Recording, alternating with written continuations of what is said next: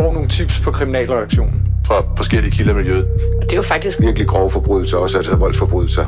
Hvad ser vidnerne i sagen? Hvem står bag? Hvad er motivet? Ja. konflikt imellem Forskellige grupperinger. Drab. Vold. Hævn. Hver uge vender vi aktuelle kriminalsager på Ekstrabladet.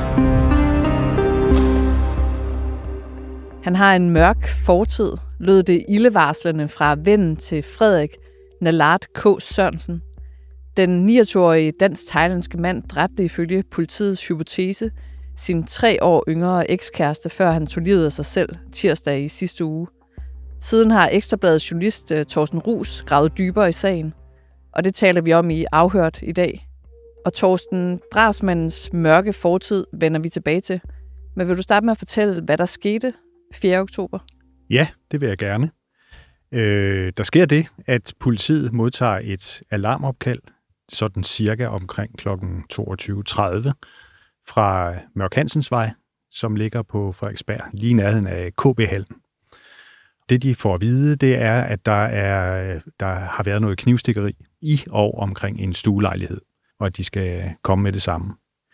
Og det udløser så en øh, ret omfattende udrykning, også med en lægeambulance og redningsfolk. Og det, de finder, det er en øh, dræbt kvinde, og hun er ramt af flere afskillige knivstik faktisk. Det er en 26-årig kvinde, og vi, øh, vi kan godt øh, afsløre, at hun hedder Hed Natasha. Det, der så også øh, møder politiet, det er en 29-årig mand, som befinder sig i området. Jeg er faktisk lidt usikker på, om han er i lejligheden på det tidspunkt, eller, eller i baggården, som er tilknyttet det her lejlighedskompleks.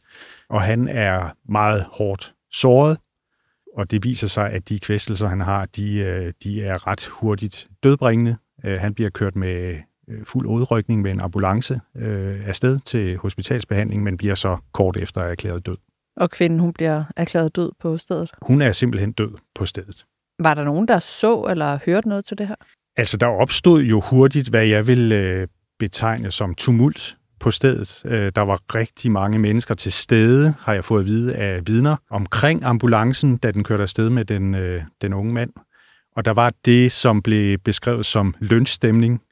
Der var øh, lød et råb, øh, hvor en, øh, han simpelthen sagde, øh, jeg håber, du dør. Simpelthen rettet imod ham, øh, da, han bliver, da han bliver trillet ind i ambulancen. Om han var bevidst, ved bevidsthed på det tidspunkt, det ved jeg ikke. Er der nogen, der har hørt noget til selve drabet? Ja, jeg er så efterfølgende i kontakt med en genbo, en beboer i området, og hun øh, fortæller, at hun hørte der omkring ved sådan mellem 10 og, og halv 11 den aften øh, høje skrig. Hun beskrev det i første omgang som kvindeskrig, første inde fra, inde fra øh, lejligheden, Natashas lejlighed. Og senere hørte hun sådan hurtigt skridt ud i baggården, og der kom så også skrig derfra. Det hun så senere sagde, det var, at øh, jeg opfattede det sådan, at hun var lidt i tvivl om, det så faktisk var kvindeskrig ude fra baggården i hvert fald. Og lad os så ret blikket mod den dræbte. Natasha, siger du, hvad er grunden egentlig til, at vi kalder hende Natasha?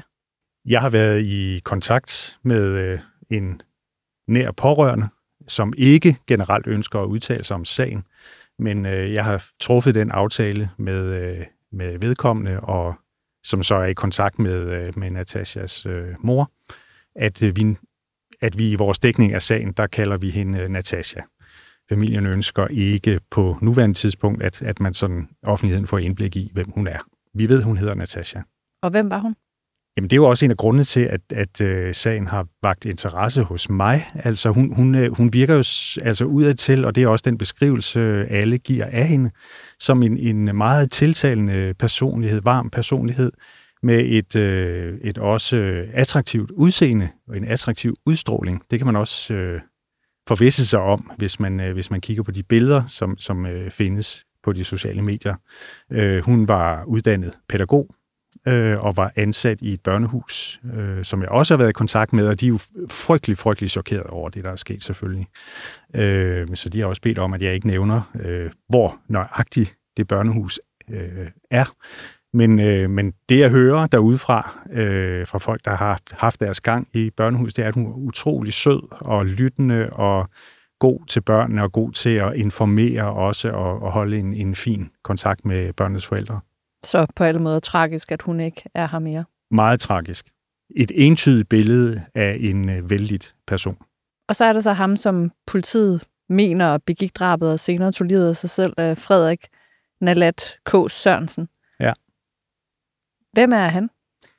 Så det er jo straks øh, sværere at indkredse. Øh, hvis vi sådan kigger på overfladen, så smiler han til verden på de billeder, jeg har set. Både hvis vi går lidt længere tilbage i tiden, men også, også de seneste billeder på hans øh, profiler. En tilsyneladende glad øh, ung mand, som har livet kørende for sig.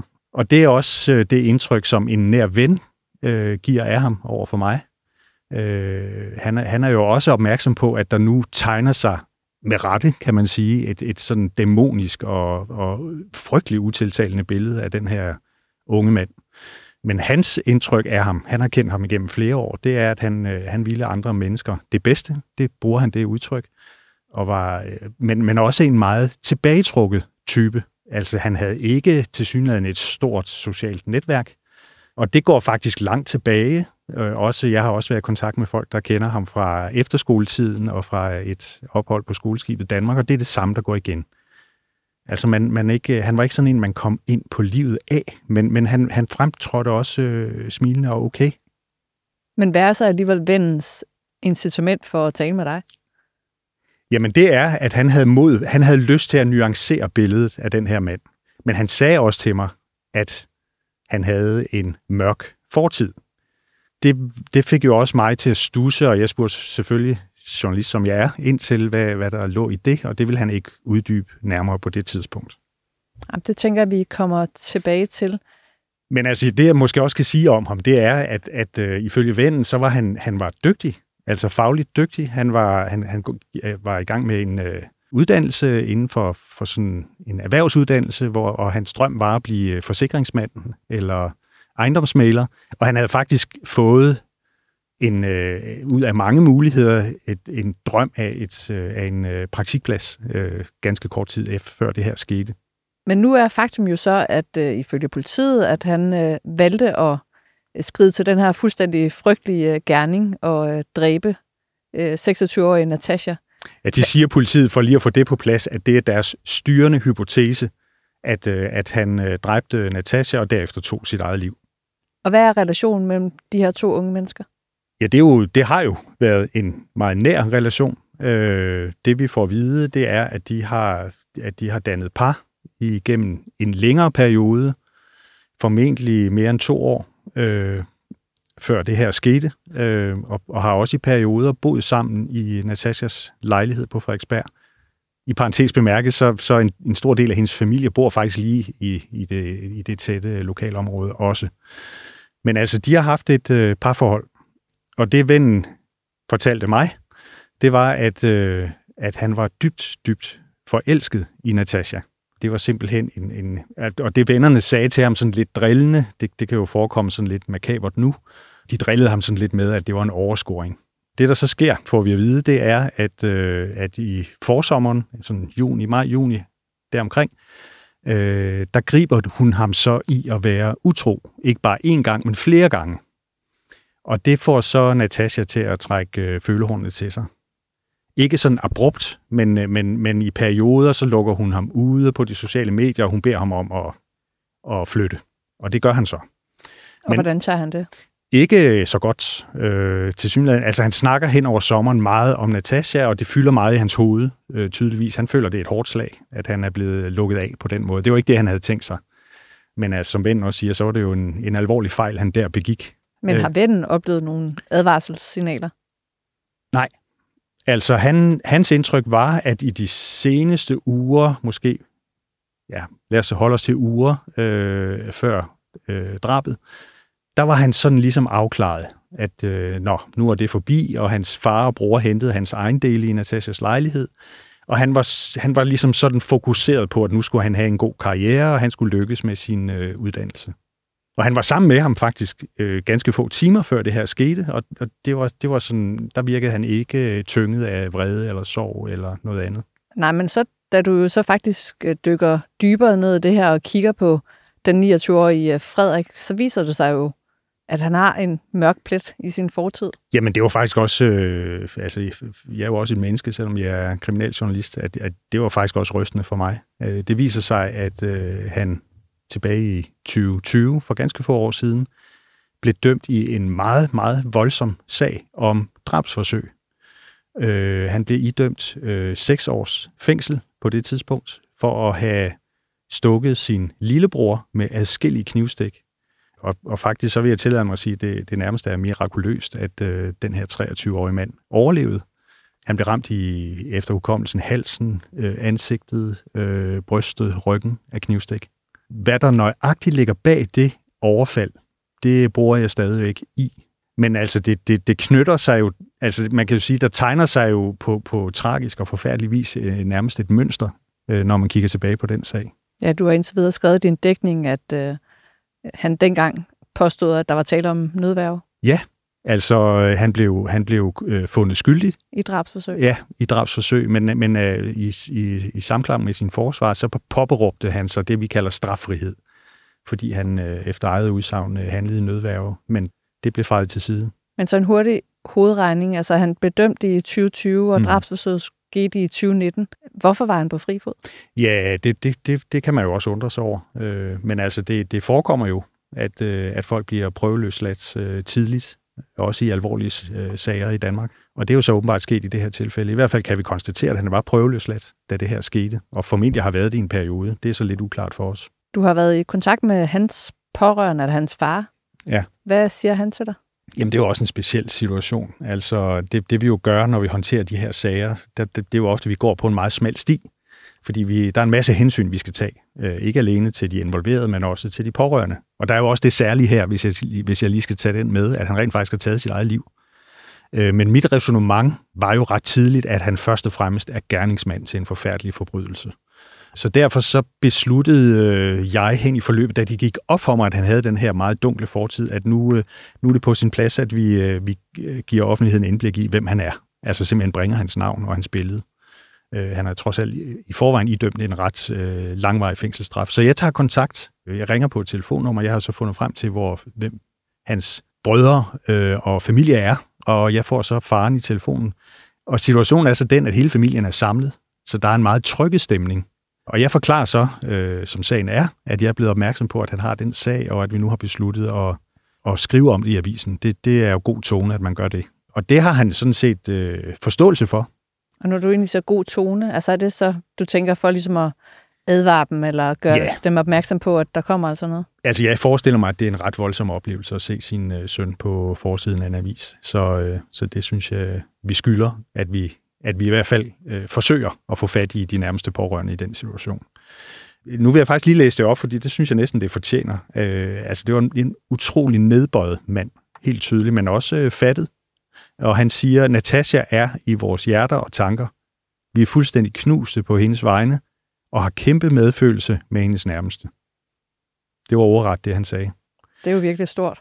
Det må man sige. Altså, øh, øh, så det, det er jo ikke en mand, der sådan på den måde slår ring om sin søn og den forfærdelige forbrydelse, han har begået, men faktisk har overskud til, selvom han har mistet sin søn på tragisk vis, at vise medfølelse med, med det virkelige offer i den her sag. Og det er jo, må vi holde fast i, Natasha. Siger han noget om sin søn? Ja, det gør han. Øh, han ønsker ikke, som situationen er nu, af hensyn til både øh, sin egen familie og, og Natashas familie, der ønsker han ikke at gå i detaljer, som han siger, men han, han fortæller dog meget med få ord. Han siger, at Frederik havde desværre nogle dæmoner i sig, og så uddyber han med, at det var noget mentalt. Øh, og man kan mærke, at det, at, at, at det er en mand, som, som virke, altså, hvor det virkelig har været et stort tema øh, i familiens liv. Ikke? Men det er jo også klart, når der er en lillebror, der er blevet øh, hugget ned, altså bare ja. få år, før. Ikke? Altså. Jo. Det er en hårdt ramt øh, familie. Københavns politi, de er jo relativt formelt omkring øh, sagen og, og mm. baggrund. Mm. Det, de oplyser, det er, at der var en forudgående relation mellem, ja. øh, mellem kvinden og, og manden. Mm.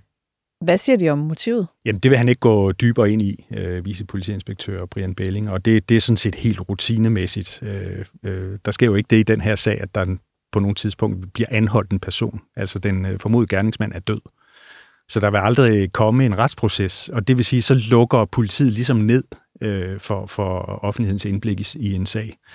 Så det er faktisk vanskeligt at få mere at vide. Altså i, i, i princippet kan vi jo ind i en situation, hvor vi aldrig får det at vide. Men det billede, der tegner sig for dig nu, det er, at det er en eller anden form for jalousidrab. Ja, det er fuldstændig nærliggende. Og det, og det, det taler jo også ind i, i, i, et, øh, i, et, i en meget udbredt og, og arketypisk verden inden for, inden for drab, i Danmark i hvert fald.